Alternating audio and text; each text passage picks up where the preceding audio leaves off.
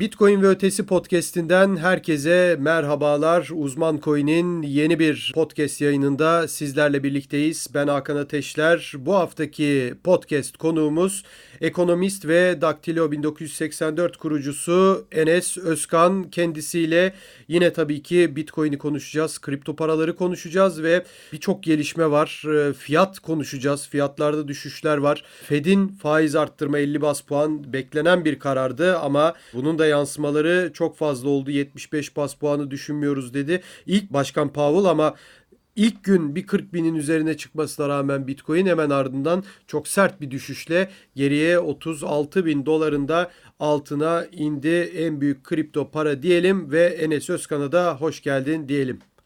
Hoş bulduk Hakan. Merhaba.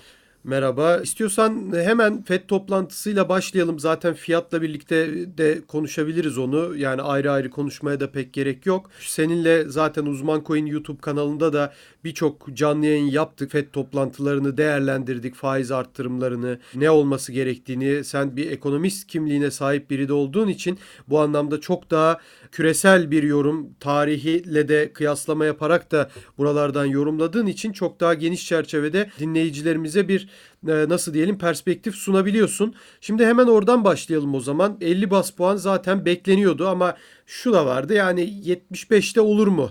Gibilerinden sorular da vardı olmadı ve Powell daha sonra yaptığı açıklamada da yani kararın açıklanmasından sonra düzenlenen basın toplantısında da dedi ki bundan sonra da yani çok arttırırsak 50-50 gideriz minvalinde açıklamalar yaptı. 75'e pek ihtimal vermedi. Tabii ki bu işlerde kesinlik yoktur ama senin beklentilerin neydi? Toplantı açıklamalar sonrasında ne gördün? Neler söylemek istersin?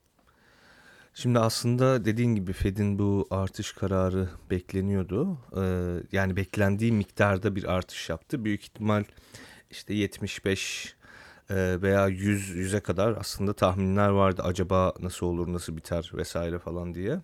Ee, öyle bir durum olsaydı o biz 40 bin lira yükselişi görmeyecektik. Ama evet. orada piyasa ya Fed'in tarafında hikaye aslında hep aynı önümüzdeki süreçte. Fed bir şekilde bilançosunu küçültmek zorunda. Ee, Fed bir şekilde aynı zamanda faiz artırmak zorunda.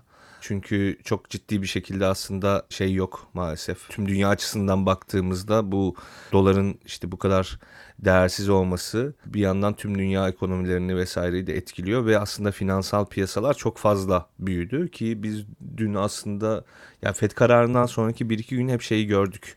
Yani ne kadar risk ürünü varsa, finansal varlık varsa neredeyse hepsi satış yedi.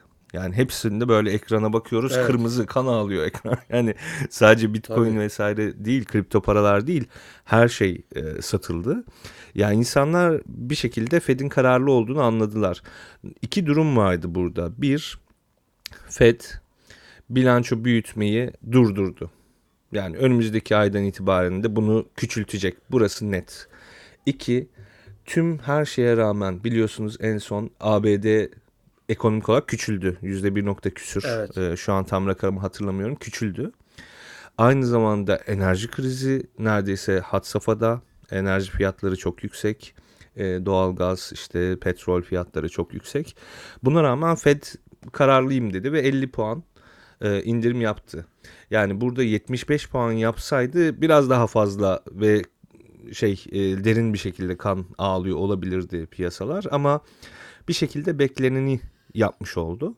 Şimdi bu iki durumda birleşince aslında e, daha önce ki bu Fed yayınlarını işte sürekli yapıyoruz Uzman Coin YouTube kanalında. Orada konuştuğumuz şey gerçekleşti. Orada iki şeyden bahsediyorduk yine. Yani bu kadar dünyada işte kriz varken, petrol krizi varken, işte dünya bir duraklama, durgunluk ekonomik anlamda durumuna girmeye hazırlanırken acaba Fed söylendiği kadar cesur diyebileceğimiz şekilde davranıp bilançosunu küçültebilir mi, faizlerini artırabilir mi söylediği kadar? Yoksa bunu biraz daha öteler mi, çeşitli şeyleri bahane olarak kullanır mı işte bu dediğim gibi durgunluktu vesaireydi, ekonomik küçülmeydi. E, bu iki durumdan ilki gerçekleşti. Yani Fed aslında ben yapacağım dediği şeyi yapmaya devam edecek büyük ihtimalle. Yani önümüzdeki evet. e, süreçte de Fed'in yine bilançolarını bilançosunu küçültü, küçülteceğini göreceğiz benim tahminim. Fed'in yine faiz artışlarına olağan bir şekilde söylediği şekilde beklentilerden çok sapmayacak şekilde tabii bu arada çok ekstrem e, e, veya işte olağanüstü olaylar olursa e, bu kararların hepsi değişebilir sonuçta. E, bu kararlar şu an Tabii. alınmış kararlar değil. Sadece alınacak kararlar. Alınmasını tahmin ettiğimiz onların da öngördüğü kararlar. Öngörülerine uygun şekilde gidecek gibi duruyor. Şu an olağanüstü bir durum olmazsa. Bu da tabii tüm finansal piyasalar üzerinde, risk ürünleri üzerinde özellikle bir baskı kuruyor. Bu Evet. baskı da fiyatların baskılanmasına aslında yol açıyor. Bunu tabii ilerleyen günlerde dediğim Şimdi ben gibi... aslında bu soruyu tabii.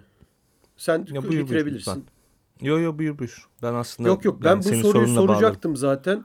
Tamam yani bu, bunu şimdi teknik de biraz konular aslında ama ben şunu soracaktım. Hani aklına da gelmiyor değil insanın. Şimdi olayları yakından takip ettiğin zaman açıkçası savaş var.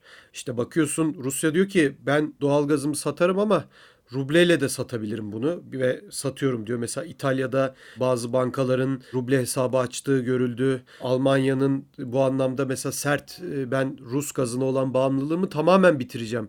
İşte belirli bir vakte kadar diyor. Yani böyle bir durum da var ama Almanya'nın da mesela onu yapıp yapamayacağı bir soru işareti ve ciddi şekilde Rusya'nın bu kadar hani Batı dünyası tarafından nasıl diyeyim adeta şeytanlaştırılmasına rağmen hala da o doğalgazı ihtiyaçları doğrultusunda almaya devam ettiğini de görüyoruz. E bütün bu, bu kriz var. Başka bir de dünyadaki küresel normal ekonomik kriz var. E, Amerika'nın ne bileyim işte o Tayvan'la olan Çin, Tayvan orada da çok ciddi gerginlikler var aslında. Belki biz şimdi bu bölgede olduğumuz için Orta Doğu Avrupa tarafında olduğumuz için oralarda pek bazen haber olarak önümüze de düşmüyor ama yabancı ajanslarda ben sürekli orada Hani bizde olur ya bazen Türkiye, Yunanistan işte gemiler birbirine yaklaşır, uçaklar yok, it dalışı falan denir. Şimdi orada çok daha bunların gergin hallerini görüyoruz. Yani e, ciddi şekilde gerginlikler var. Yani bizde mesela ne bileyim Türkiye, Yunanistan oldu mu bir Amerikalılar araya giriyor. Almanlar diyor sakin olun falan filan bitiyor iş. Ama orada Çin'le Amerika aynı şeyi yaşadığı zaman pek aynı durumlar olmuyor. Çok daha büyük gerginlikler oluyor. Yani demek istediğim şu. Uzak Doğu'dan Avrupa'ya, e, Güney Amerika'ya kadar bu kadar krizin olduğu bir yerde bu daraltma bu kadar kolay gider mi? Evet senin dediğin gibi bunu gözüküyor böyle bunun mesajını verdi ama yapabilir mi sence? Ya bence yapabilir Hakan. Çünkü şöyle bir durum var. Şimdi bunu yapmazsa bu sefer de hakikaten şimdi tamam ekonomik anlamda biraz küçüldü e, ABD ama şeyi görüyoruz yani işsizlik rakamları vesaireler çok iyi. Bir de şöyle bir yöntem de Doğru. kullanıyorlar. Onu onu o aslında böyle bazen dikkatlerden kaçıyor. Evet Merkez Bankası bilançosunu küçültecek. İşte ilk 3 ay 47,5 milyar dolar küçültecek. Normalde 95 Evet, bekleniyordu. Bak aslında bu biraz böyle güvercin bir durum. Sonradan tekrar 95 milyar dolara doğru gidecek. İşte bir yıl falan aşağı yukarı bu devam etse yaklaşık 1 trilyon dolarlık bir şey bilanço küçültmesi anlamına gelir ki bu zaten aslında ufak bir rakam. Zaten pandemi döneminde Doğru. e, Fed'in bilançosu çok yükseklere çıktı. Yani bu 1 milyar 1 trilyon pardon 1 trilyon dolarlık e, bilanço küçültmesi bile aslında ne diyeyim yani piyasalar için tabii çok önemli ama baktığın zaman piyasada dolanan dolar miktarı açısından o kadar büyük bir rakam değil. Yani pandemi öncesine dönüş çok daha uzun süreler alacak. Bunu yapmak bir yerde zorunda, zorunda kalıyorlar aslında. Hmm.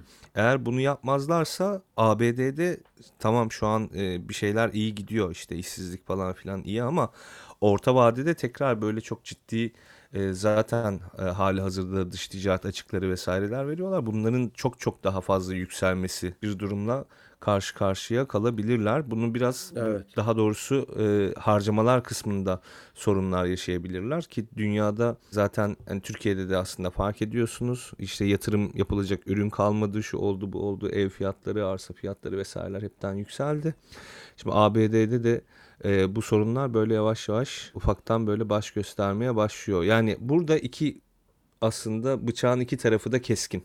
Tamam mı? Bunu yapmazsan Evet. bir türlü sorun, yaparsan başka türlü sorun. E, buradaki dengeyi gözetmeleri lazım ve orada aslında şöyle bir denge kuruyorlar benim gördüğüm kadarıyla.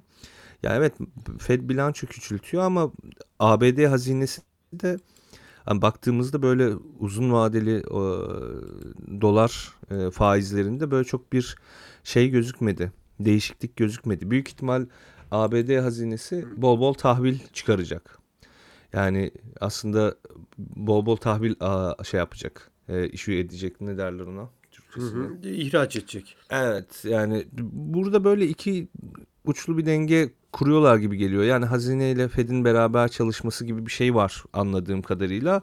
Yani piyasadan evet Fed'in bilançosunu küçültecekler ama en azından iç piyasada böyle çok bir şeye de sebep olmayacaklar gibi duruyor. Hani çok yüksek enf- şey yaratacak işte para kıtlığı yaratacak, dolar kıtlığı yaratacak bir şeye de sebep olmayacaklar gibi duruyor. Ben Ama dediğim birkaç gibi ekonomist izlemiştim. Ee, sözünü kestim yine ama birkaç ekonomisti izlemiştim. Mesela şey demişlerdi. Zaten e, bu kadar hani e, para basıldı zannediyorum 2009'dan bu yana böyle bir de o bilanço genişlemesi 9 trilyon dolara kadar ulaşmış. Yani sen zaten 1 trilyon dolar dedin yani o bile aslında son 10 seneye bakıldığında şimdi yapılan o daraltmanın ne kadar etkisiz olduğunu da bir yerde gösteriyor. Şimdi e, ben şunu sormak istiyorum. Şu yorumu duymuştum. Yani 0.25, 0.50 bunlar zaten çok bir işe yaramaz. Bunlar sadece bizim e, amacımız bu demek için yapılan. Hani sen biraz önce dedin ya yapmak zorunda diye. Be, acaba onu mu gösteriyor? Ben yapmak zorundayım işte bir şeyler yapıyorum. Yani yeterli değil bu 50-50 arttırsan da yetmeyecek e, Amerika'ya diye bu, bu yorumları çok duymuştum. Katılır mısın sen buna? Ya tabii şöyle zaten onun baştan dediğim gibi yani bu bir trilyon dolar hani sağından Evet. bak bir trilyon dolar solundan bak bir trilyon dolar. Bunun yani gideceği yer yok. Bir yıl hadi iki yıl olsun iki trilyon dolar vesaire. Üç yıl dört yıl beş yıl yani sürekli de işte bilanço daraltayım şu olsun bu olsun. Hani Tabii. bir şekilde e, şey var ne derler ona? Bir şekilde e, piyasaya verilen bir aslında biz buna şey diyoruz ekonomik signaling yani ekonomik sinyalleme yani piyasanın ne yöne gideceğine ilişkin aslında bir mesaj vermek. Evet. Burada yapılan şey o ama tabii bir trilyon dolar şu anki Fed'in bilançosuna göre dediğim gibi düşük bir miktar ama hiçbir şey demek de değil. Yani gerçekten sonuçta piyasadan bu miktarda para da çekilecek yani hani e, sadece mesaj verme de değil. Yani mesaj ve şey hareket tutarlılığı var. Zaten esas şey oradan kaynak. İşte daha önce de biliyorsunuz Fed geçen seneler işte şey yapacaktı. Geçen sene pardon. İşte yok bilanço daraltacak işte faiz artış bunlar hep konuşuluyordu. Fed'in yok ne bileyim bilmem ne eyaletinin başkanı bir şey derdi. İşte Fed başkanı başka bir şey derdi. Şu olurdu bu olurdu. Şimdi mesajlar gelirdi karmaşık vesaire ama hareket tutarlılığını görmezdik. Piyasada da böyle bir çok bir sorun olmazdı yani. Hani o anlık açıklamalardan dolayı işte o haber takibiyle trade yapan arkadaşların hareketlerinden dolayı piyasa bir düşerdi sonra tekrar yoluna girerdi çıkardı. Şimdi burada hareket ve şey tutarlılığı var söylem Doğru. tutarlılığı var. Yani bu ikisini birden görmek lazım. Yani bu adamlar hiçbir şey yapmıyor aslında sadece mesaj veriyor demek de doğru değil. Yani mesajı güçlü bir şekilde veriyorlar. İkisi bir arada mesaj veriyorlar. O açıdan Doğru. enflasyon mu bir miktar daralma mı seçeneği içerisinde Fed bir şekilde enflasyonu dizginlemeyi tercih etti. Çünkü yani bak bu kadar enflasyona rağmen ki enflasyon aslında e, kısmen ekonomik büyüme yaratır. Yani gelişmek gelişmekte olan ülkeler, büyümesi yüksek ülkelerde enflasyon da yüksek olur normalde. E, tabii şey Türkiye'yi kapsam dışı bırakıyorum. Yani %70'ler falan bunlar çok acayip rakamlar da. O Türkiye haricindeki gelişmekte olan ülkelere biraz daha bakıp bunu görebilirsiniz. Büyüme yüksekse biraz enflasyon yükselebilir. Bu normaldir ama bak o kadar enflasyona rağmen ABD'deki artık büyüme rakamlarına yansımıyor bu. Dediğim gibi işsizlik verileri güzel, tarım dışı istihdam şu bu falan her şeyleri iyi. Ama bir şekilde ekonomileri de küçülmeye, daralmaya başlıyor. Yani bundan sonra o enflasyonun e, ABD ekonomisine getireceği bir şey yok. E, ne derler? Bir büyüme vesaire böyle bir fayda e, yok. E, haliyle onlar için de artık e, zamanı geldi diye bakıyorlar. Bu da tabii tüm dünyayı etkiliyor işte. Tabii. En azından şöyle bakmak lazım. Şimdi biz de dahil olmak üzere gelişmekte olan ülkelerin hepsinde aslında cari açık problemi var. E, bu tabii ABD'de var, ABD'de de var ama onun durumu biraz daha farklı. E, biz bu cari açığı nasıl karşılıyoruz? Aslında yurt dışından borçlanarak karşılıyoruz en temelde. Bu son dönemdeki işte ihracat yaparak bunu karşılayacağız vesaire gibi ekonomik tezlerin de çöktüğü çok açık bir şekilde ortaya çıktı. Biz bunu nasıl karşılıyoruz? Yurt dışından borçlanarak karşılıyoruz. ABD'nin faiz artırması demek aslında bizim borçlanma faizlerimizin yukarı çıkması demek. Yani tüm gelişmekte olan ülkelerdeki insanlar için bu e, biraz kötü haber. Özellikle bu işte fa- yani yüzde bire çıkarttı ABD faizi daha da artıracak. Yüzde ikilere falan anladığım kadarıyla gelebilir. E, bilanço daraltması da var. Yani piyasadaki dolar miktarı da azalıyor. Doların fiyatı artacak yani. Dolar tabii. diğer para birimlerine göre fiyatlama artışı yaşayacak gibi duruyor. E, bu da tabii bizim için, bizim gibi gelişmekte olan ülkelerde yaşayan insanlar için kötü haber. Türkiye'nin durumu dediğim gibi biraz daha ayrıksı, negatif anlamda. Bizim için daha da kötü haber. Ama bu en azından şey olarak bakabiliriz. Yani eğer kripto para piyasalarında işlem yapan biriyseniz kendinizi daha kötünün e, yani kötünün iyisi e, noktasında konumlandırabilirsiniz. Evet. Yani e, gelişmekte olan ülkelerin para birimleriyle fiyatlanan ürünlere yatırım yapmak yerine dolarla fiyatlanan ürünler üzerinden yatırımlarınızı yönetmek her zaman biraz daha mantıklı gibi duruyor özellikle önümüzdeki bu süreçte. Evet sen çok güzel aslında pası attın burada. Yavaş yavaş da o tarafa geçelim. Yani bunu zaten hep konuştuk. Senle de konuştuk. Biz haberlerimizde dile getirdik. Yayınlarımızda, podcastlerimizde bunları çok konuştuk. Ee, eminim ki birçok arkadaşımız yani YouTube'daki Bitcoin ile ilgili belgeselleri izlediğimiz zaman da zaten yani bu tür krizlerden korunma aracı olarak aslında ilk başta hani bir zengin olma aracı olarak da kısa yoldan gözüküyor şu anda belirli bir kitle tarafından. Sadece Türkiye'de değil tabii dünyada da ama e, öyle değil aslında bu tür krizlerden korunma aracı. E, tabii sen e, program başında da söylemiştin yani birçok da Nasdaq düştü, hisse senetleri düştü. Yani işte Amazonlar, Netflix zaten darmadağın olmuştu. Aşağıya gidiyordu yani birçok bu anlamda e, şirketin işte Meta, e, Alphabet inanılmaz düşüşler var. Teknoloji hisseleriyle de e, işte Bitcoin'in bir korelasyonda mevcut kısa vadeli olsa da yani birbirlerini ciddi şekilde etkiliyorlar bu anlamda. Bitcoin için bana öyle geliyor bilmiyorum ama bir ekonomist gözüyle böyle iyi dayandı der misin bu düşüşlere? Yani bu kadar Nasdaq'ta çöküş varken işte dediğim gibi biraz önce savaş ortamı var, gerginlikler var, ekonomik krizler söz konusu. Avrupa'da da e, enflasyon zirve yapmış durumda. Baktığınız zaman Avrupa ülkeleri işte İsveç'i, e, Finlandiya'sı biz NATO'ya girelim diyor. Almanya ben ordumu daha da silah sayımı arttıracağım dedi. Yani böyle bir gerginlik e, durumuna doğru gidiyoruz ama acaba Bitcoin tüm bunların ortasında iyi dayandı diyebilir miyiz bu düşüşlerde yoksa çok mu düştü dersin? Yani aslında ben baktığımda iyi dayandı diyebilirim. Hakan. Yani çünkü hı hı. E, ama tabii bu süreç daha da bitmedi. Sürecin de bir e, kısmındayız evet. yani. Maalesef şimdi öyle de bir durum var. Ama baktığımız zaman iyi dayandı diyebilirim. Bu sorunun net cevabı bu. Fakat nihayetinde bir tepe noktası oluştu Bitcoin'in ve o tepe noktasından bugüne doğru baktığımızda ciddi bir miktarda düşüş görüyoruz. E, halen kripto para piyasalarının büyüklüğü ne ilişkin e, biz baktığımızda onların yani kripto para piyasalarının büyüklüğü işte geleneksel o konvansiyonel finansal piyasaların çok küçük bir miktarı. Yani daha dalgalı olması hali gayet normal. Buna hiçbir şey demiyorum. E, bu dalgalanma içerisinde de Bitcoin'in diğer kripto paralardan daha az dalgalanması gayet normal. Şimdi sadece onun için Bitcoin'e de bakmak biraz hakikaten şey olabilir. E, bize gerçek fotoğrafı göstermeyebilir. Evet Bitcoin görece iyi dayandı. İşte çoğu çoğu hisse senedi grafiğine bakın yani Bitcoin grafiğinden çok daha dalgalı bir hale geldiler yani şu dönemde. Ama e, diğer kripto paralara baktığımızda çok güvenilir işte ekibi, projesi sağlam, işte bir use case'i, kullanım alanı olan e, birçok kripto para bile bu süreçten aslında çok da e, iyi bir şekilde çıkamadı. Oralarda kayıplar çok daha yüksek gerçekleşti. E, bu süreçte hala devam ediyorken bunun sonu nereye varır tabii bil, bilmek biraz daha mümkün değil. Fakat şunu göz önüne almak lazım.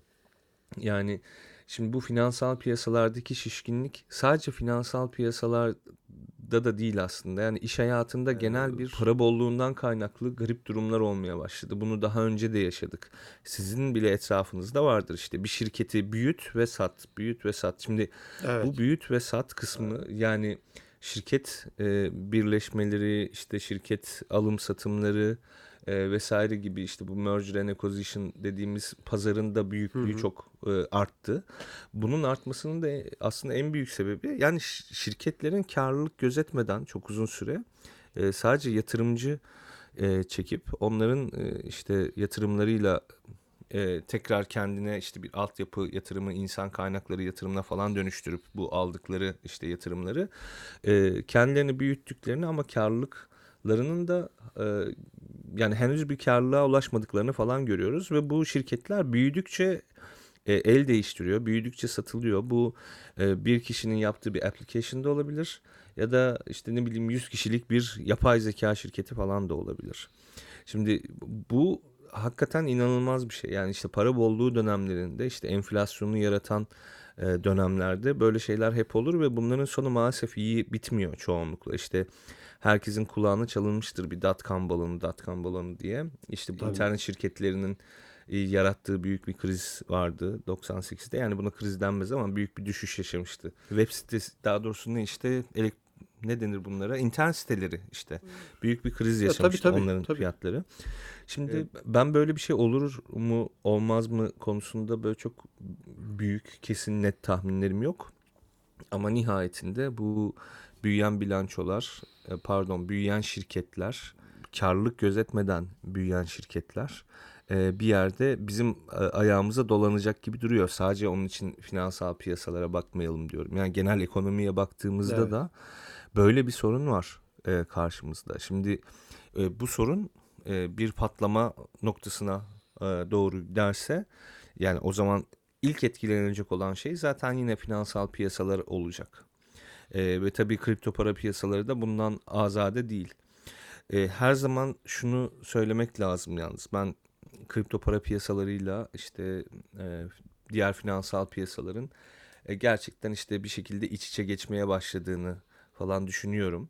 E, yakın zamanda biliyorsunuz Bitcoin teminatlı krediler vesaire de e, verilmeye e, başlandı Evet. çeşitli bankalar tarafından ki Türkiye'de de yakında bunlar olacak benim tahminime göre. Ama e, nihayetinde Bitcoin gerçekten çok e, enteresan bir varlık. Çoğu zaman e, şeyi anlayamıyorsunuz. Bazen böyle o finansal piyasaların kendi kendini gerçekleştiren kehanetlerine böyle aykırı hareket edebiliyor. Orada bir konsept var bizim self-fulfilling prophecy dediğimiz işte aslında e, kendi kendini gerçekleştiren işte kehanet deniyor buna. Yani bir kitle Doğru. bir şey bir şeye inanırsa tamam mı onu gerçekleştirebilir. O gerçek olabilir.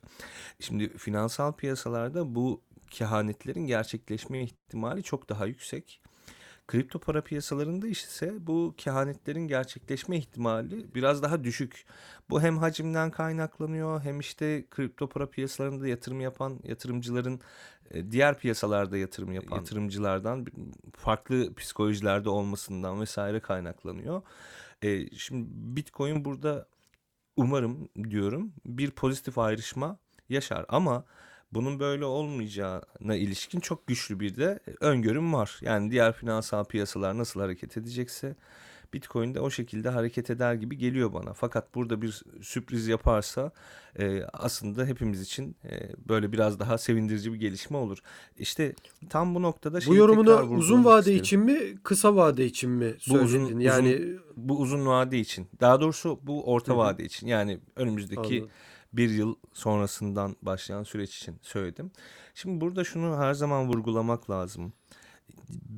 Aslında kripto para piyasalarındaki çoğu insan bu piyasaların çıkışıyla beraber işte sosyal medyanın yükselişi, iletişim kaynaklarının artması, herkesin bir şekilde birbiriyle çok daha kolay iletişime geçebiliyor olması nedeniyle piyasanın çıkışı ve bu iletişim teknolojileri böyle eş zamanlı ilerledi ve aslında çoğu insan ilk piyasa deneyimini, ilk bu finansal ürün vesaire deneyimini kripto para piyasalarında yaşadı. Yani böyle birçok insan var. Bu insanların hepsine şey söylemek lazım. Yani piyasa dediğimiz şey, finansal piyasalar dediğimiz şey sadece bunlardan ibaret değil.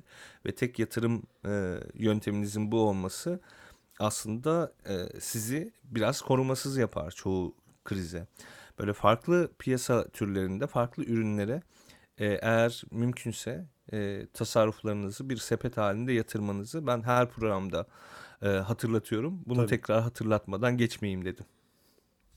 Evet, e, bence de doğru bir kanı ve şu var yani tabii bunu aslında ben biraz daha o taraftayım. Ben mesela komple neredeyse kripto parada olup kripto para içinde sepet yapan bir insanım. Bu bunlar da var yani. Bu vakalar da var öyle diyeyim sana. E, Tabii yani tabii. dolayısıyla ama tabii ki en doğrusu senin dediğin. Yani işte hisse senedi e, araştırmaları yapıp da ona göre bir orada bir miktar bekletilebilir. Altın, gümüş de değerli metallerdir. Kripto paraların belirli bir bölümüdür.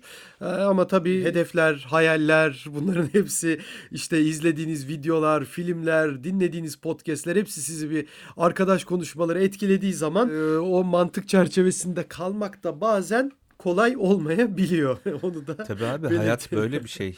Tabii, Tabii. ki hayat böyle bir şey zaten. Yani zaten hiçbir şey aslında bizim birey olarak inançlarımızdan, e, alışkanlıklarımızdan güçlü değil. Yani Değil, hiçbir zaman tabii. böyle bir rasyonel, müthiş rasyonel hareket edelim vesaire falan. Tabii, böyle bir şey tabii. olmuyor. Yani her şey aslında Doğru. bizim inançlarımızla, alışkanlıklarımızla, güven duygumuzla ilişkili. Yani birine güvenmek ve onun aldığı pozisyonu almak biliyorsun çok yaygın bir şey Türkiye'de. Tabii. Tüm dünyada da öyle.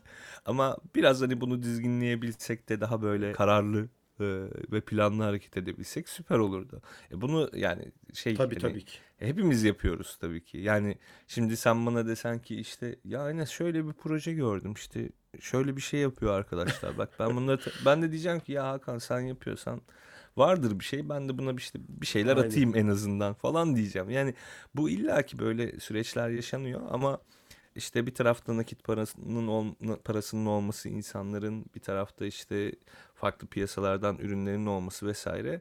Bunlar iyi şeyler. Tabii çok da maliyetli şeyler. İşte sürekli takip edeceksin falan. Doğru, Yani her şeyi tabii. düşünsene yani. Hani onun için Yoruyor. aslında tabii çok yorucu. Yani e, para kaybetmemek para kazanmaktan çok daha fazla yorucu. Yani ben bunu kesinlikle Tabii ki, anladım yani. tabii. Son 10 yılda gördüğüm şey. Yani para kaybetmek çok yorucu. Para kazanmak o kadar yorucu bir şey değil ya. Yani hakikaten birinin söylediği bir şey tutar ve işte sen para kazanırsın ya. Hani böyle bir fenomen şeyi ekonomisi var ya maalesef. O e, okey, tamam. Ama yani para kaybetmek de çok kolay ve çoğunlukla bu söylentiler aslında kayıp yönüyle gerçekleşiyor. Yani bir söylenti 100 söylenti çıkıyorsa biri kazandırır 99'u kaybettirir. Onun için o kaybetmeme aşaması orada psikolojik olarak sağlam durma aşaması falan inanılmaz yorucu. Yani bu hepimiz için çok yorucu. Bu para kaybetmemeyi sağlamak için çalışmak çok yorucu. Burada bir de tabii ki ne kadar bir sepetiniz var, ne kadar bir portföyünüz var. Hani 100 dolar için bu kadar mı uğraşılır kardeşim di- diyenler var. Evet.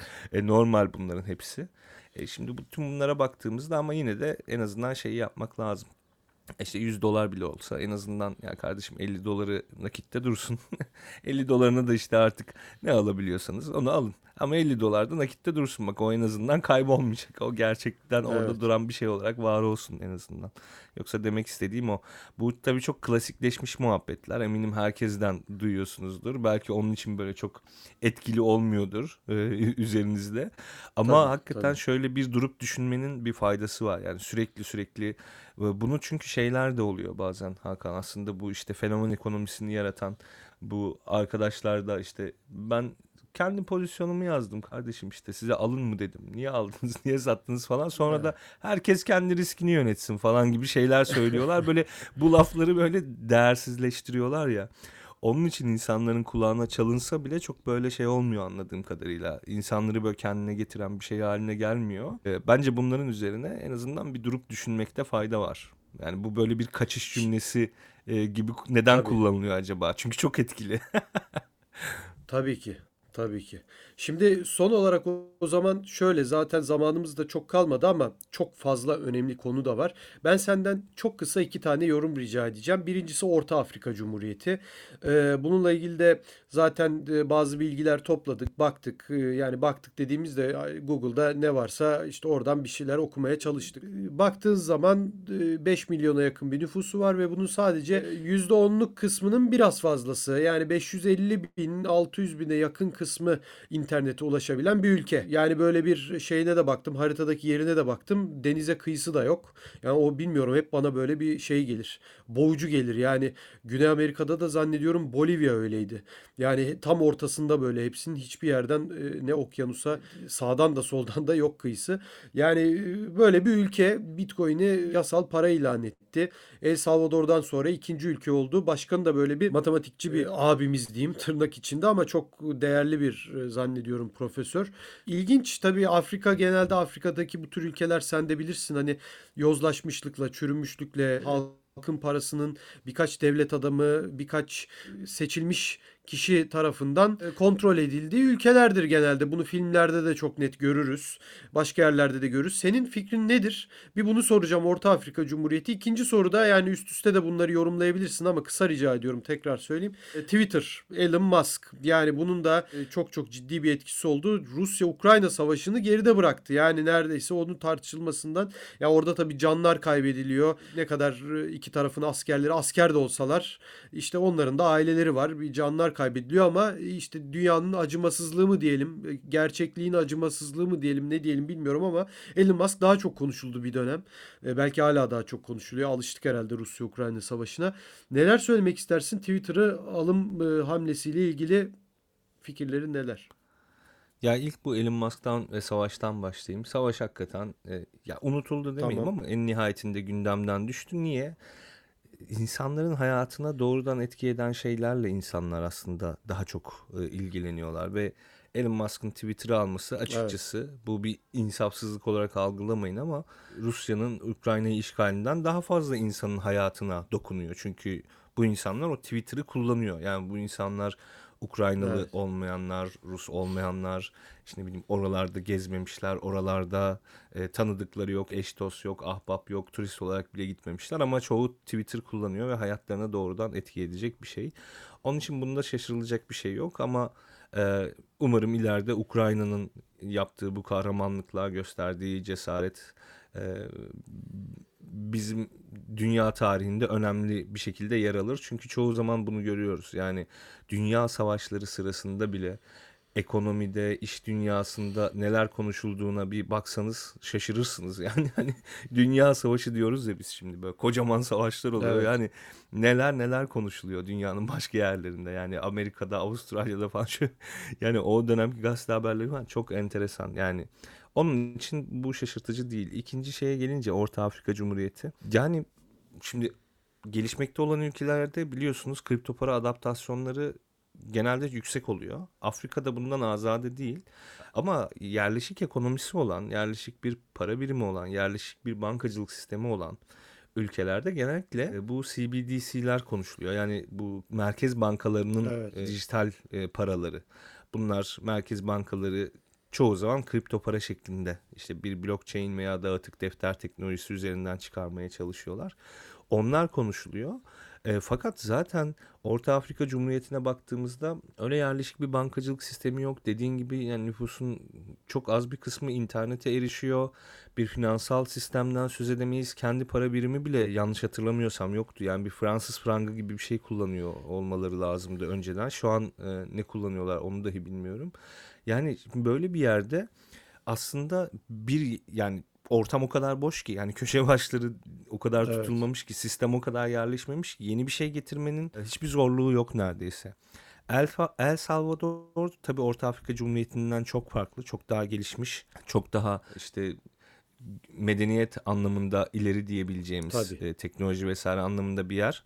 Ama nihayetinde orası da çok benzer. İşte küçük bir ekonomi, işte zaten çok üretken olmayan e, bir ekonomi, verimlilikler düşük şu bu. Şimdi böyle ülkelerde Bitcoin'i bir para birimi olarak kabul ettirmek ve aslında ona uygun bir şekilde hareket edebilmek biraz daha kolay oluyor. Ama bunun şöyle bir zorluğu var sürdürülebilirlik açısından. Acaba bu ülke Bitcoin'i resmi para yaptıktan sonra bunun rezervlerinin yönetimini, bunun teminat gösterip işte kredi kullanımı uluslararası kuruluşlarda bunun teminat olarak kabul edilmesine yönelik şeyleri yapabilecek mi? İnsanlar Orta Afrika Cumhuriyeti'nin büyük ihtimal çıkaracağı e, Bitcoin bazlı tahvilleri vesaireleri güvenip satın alacak mı? Çünkü siz aslında rezervleriniz kadar biraz da varsınızdır. Yani rezerviniz Tabii. varsa aslında onlar teminattır. Bunlar size kredibilite sağlar. Gidersiniz yurt dışı piyasalardan borçlanırsınız. Onun için zaten merkez bankaları kasasında altın tutar, dolar tutar, şunu tutar, bunu tutar ki hani ben borçlandığım zaman bak kardeşim ödeyecek param var. Borçlanma yani borcumu geri ödeyebilirim diyebilmek için. Ve o rezervden çok daha yüksek bir miktarda borçlanma gerçekleştirebilirsiniz. Normalde sistem budur. Şimdi bu Orta Afrika Cumhuriyeti ve El Salvador bunu çok ciddi bir şekilde e, yapamadıkları için e, yani Bitcoin'i bir teminat olarak uluslararası kurumlara, kuruluşlara gösteremedikleri için şeyler çıkart. Yani El Salvador onu yaptı. Bitcoin e, bazlı e, tahvil çıkardı. Evet. Şimdi Orta Afrika Cumhuriyeti de büyük ihtimal böyle bir borçlanma yoluna gidecek. Burada ne kadar güven sağlayabilirler ve bunu ne kadar sürdürebilirler bilmiyorum ama tabii ki en azından şunu söyleyebilirim. Bitcoin bence önemli bir para birimi. Yani hiç şey diye düşünmemek lazım. Bu sadece bir finansal ürün diye düşünmemek lazım. Bitcoin gerçekten felsefesiyle ortaya koyduğu değerlerle önemli bir para birimi. Gidecek sadece çok yolu var. Bu tarz cesur adımlar o ülkeler için iyi olur olmaz bunu bilemiyorum ama bu işin adaptasyonu işte merkez bankalarının sınırsızca para basmasına son vermeye yönelik e, bir hamle olarak görülmeli ve en azından desteklenmeli diye düşünüyorum. Bir adaptasyon dedin de kar topu misali olur mu sence? Yani uzun vade içinde söylüyorum tabii öyle 3 günde 5 günde değil ama bugün Orta Afrika Cumhuriyeti mesela onun komşuları ya bu adam ne yapıyor diye bir konuşmuştur herhalde değil mi? Neymiş bu Bitcoin gidin bir bakalım falan.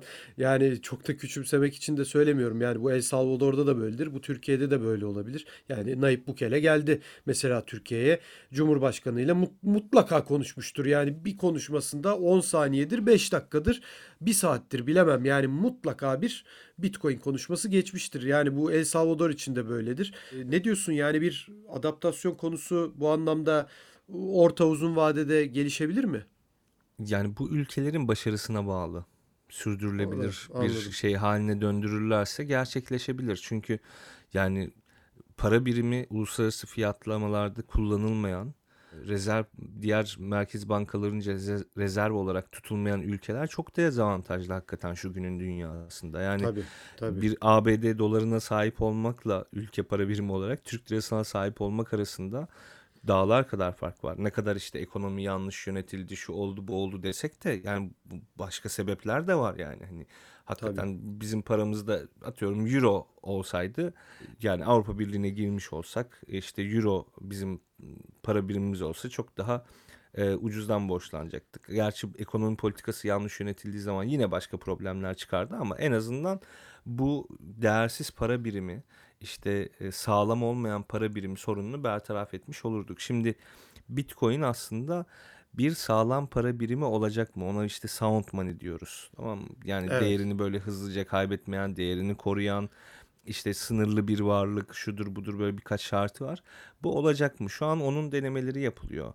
Bunun olması için dediğim gibi bu dünya piyasalarına bir şekilde başarılı olduğu mesajını vermesi lazım bu ülkelerin. Yani bunun da yine onların e, ortaya çıkardığı en önemli yollardan biri işte bu borçlanmalarda teminat olarak göstermek, orayı yatırımcı çekmek için Bitcoin bazlı finansal ürünler çıkarmak vesaire gözüküyor.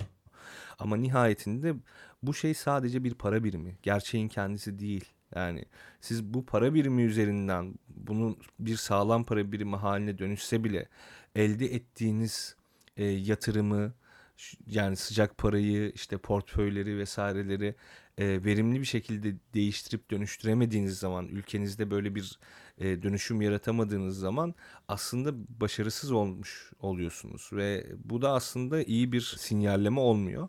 Onun için bu ülkelerin ne kadar başarılı olup olamayacağıyla çok ilgili. Hani bir gidelim bakalım da biz de yapalım şeyi. Evet. Enes Özkan çok teşekkür ediyoruz değerlendirmelerin için. Ben teşekkür ederim Hakan sağ olasın. Evet bir podcast'imizin daha sonuna geldik. Ee, Bitcoin ve ötesi podcast'inde, Uzman Coin podcast'inde bu haftaki konuğumuz ekonomist ve Daktilo 1984 kurucusu Enes Özkan'dı. Kendisiyle tabii konuşulacak o kadar çok konu var ki muhtemelen yani bir iki saat daha podcast'ı uzatsak e, dolu dolu geçerdi diye düşünüyorum. Çünkü işte dediğimiz gibi mesela IMF'nin e, Orta Afrika Cumhuriyeti'ne uyarısı, Arjantin'e uyarısı, işte dediğimiz gibi Avrupa'daki, Amerika'daki kriz, bunun dünyaya etkileri, e, Bitcoin fiyatlanması bütün bunları Twitter Elon Musk konuşmaya çalıştık belli bir çerçeve içinde. Bizi dinlediğiniz için teşekkür ediyoruz. Bir sonraki programda tekrardan görüşmek dileğiyle.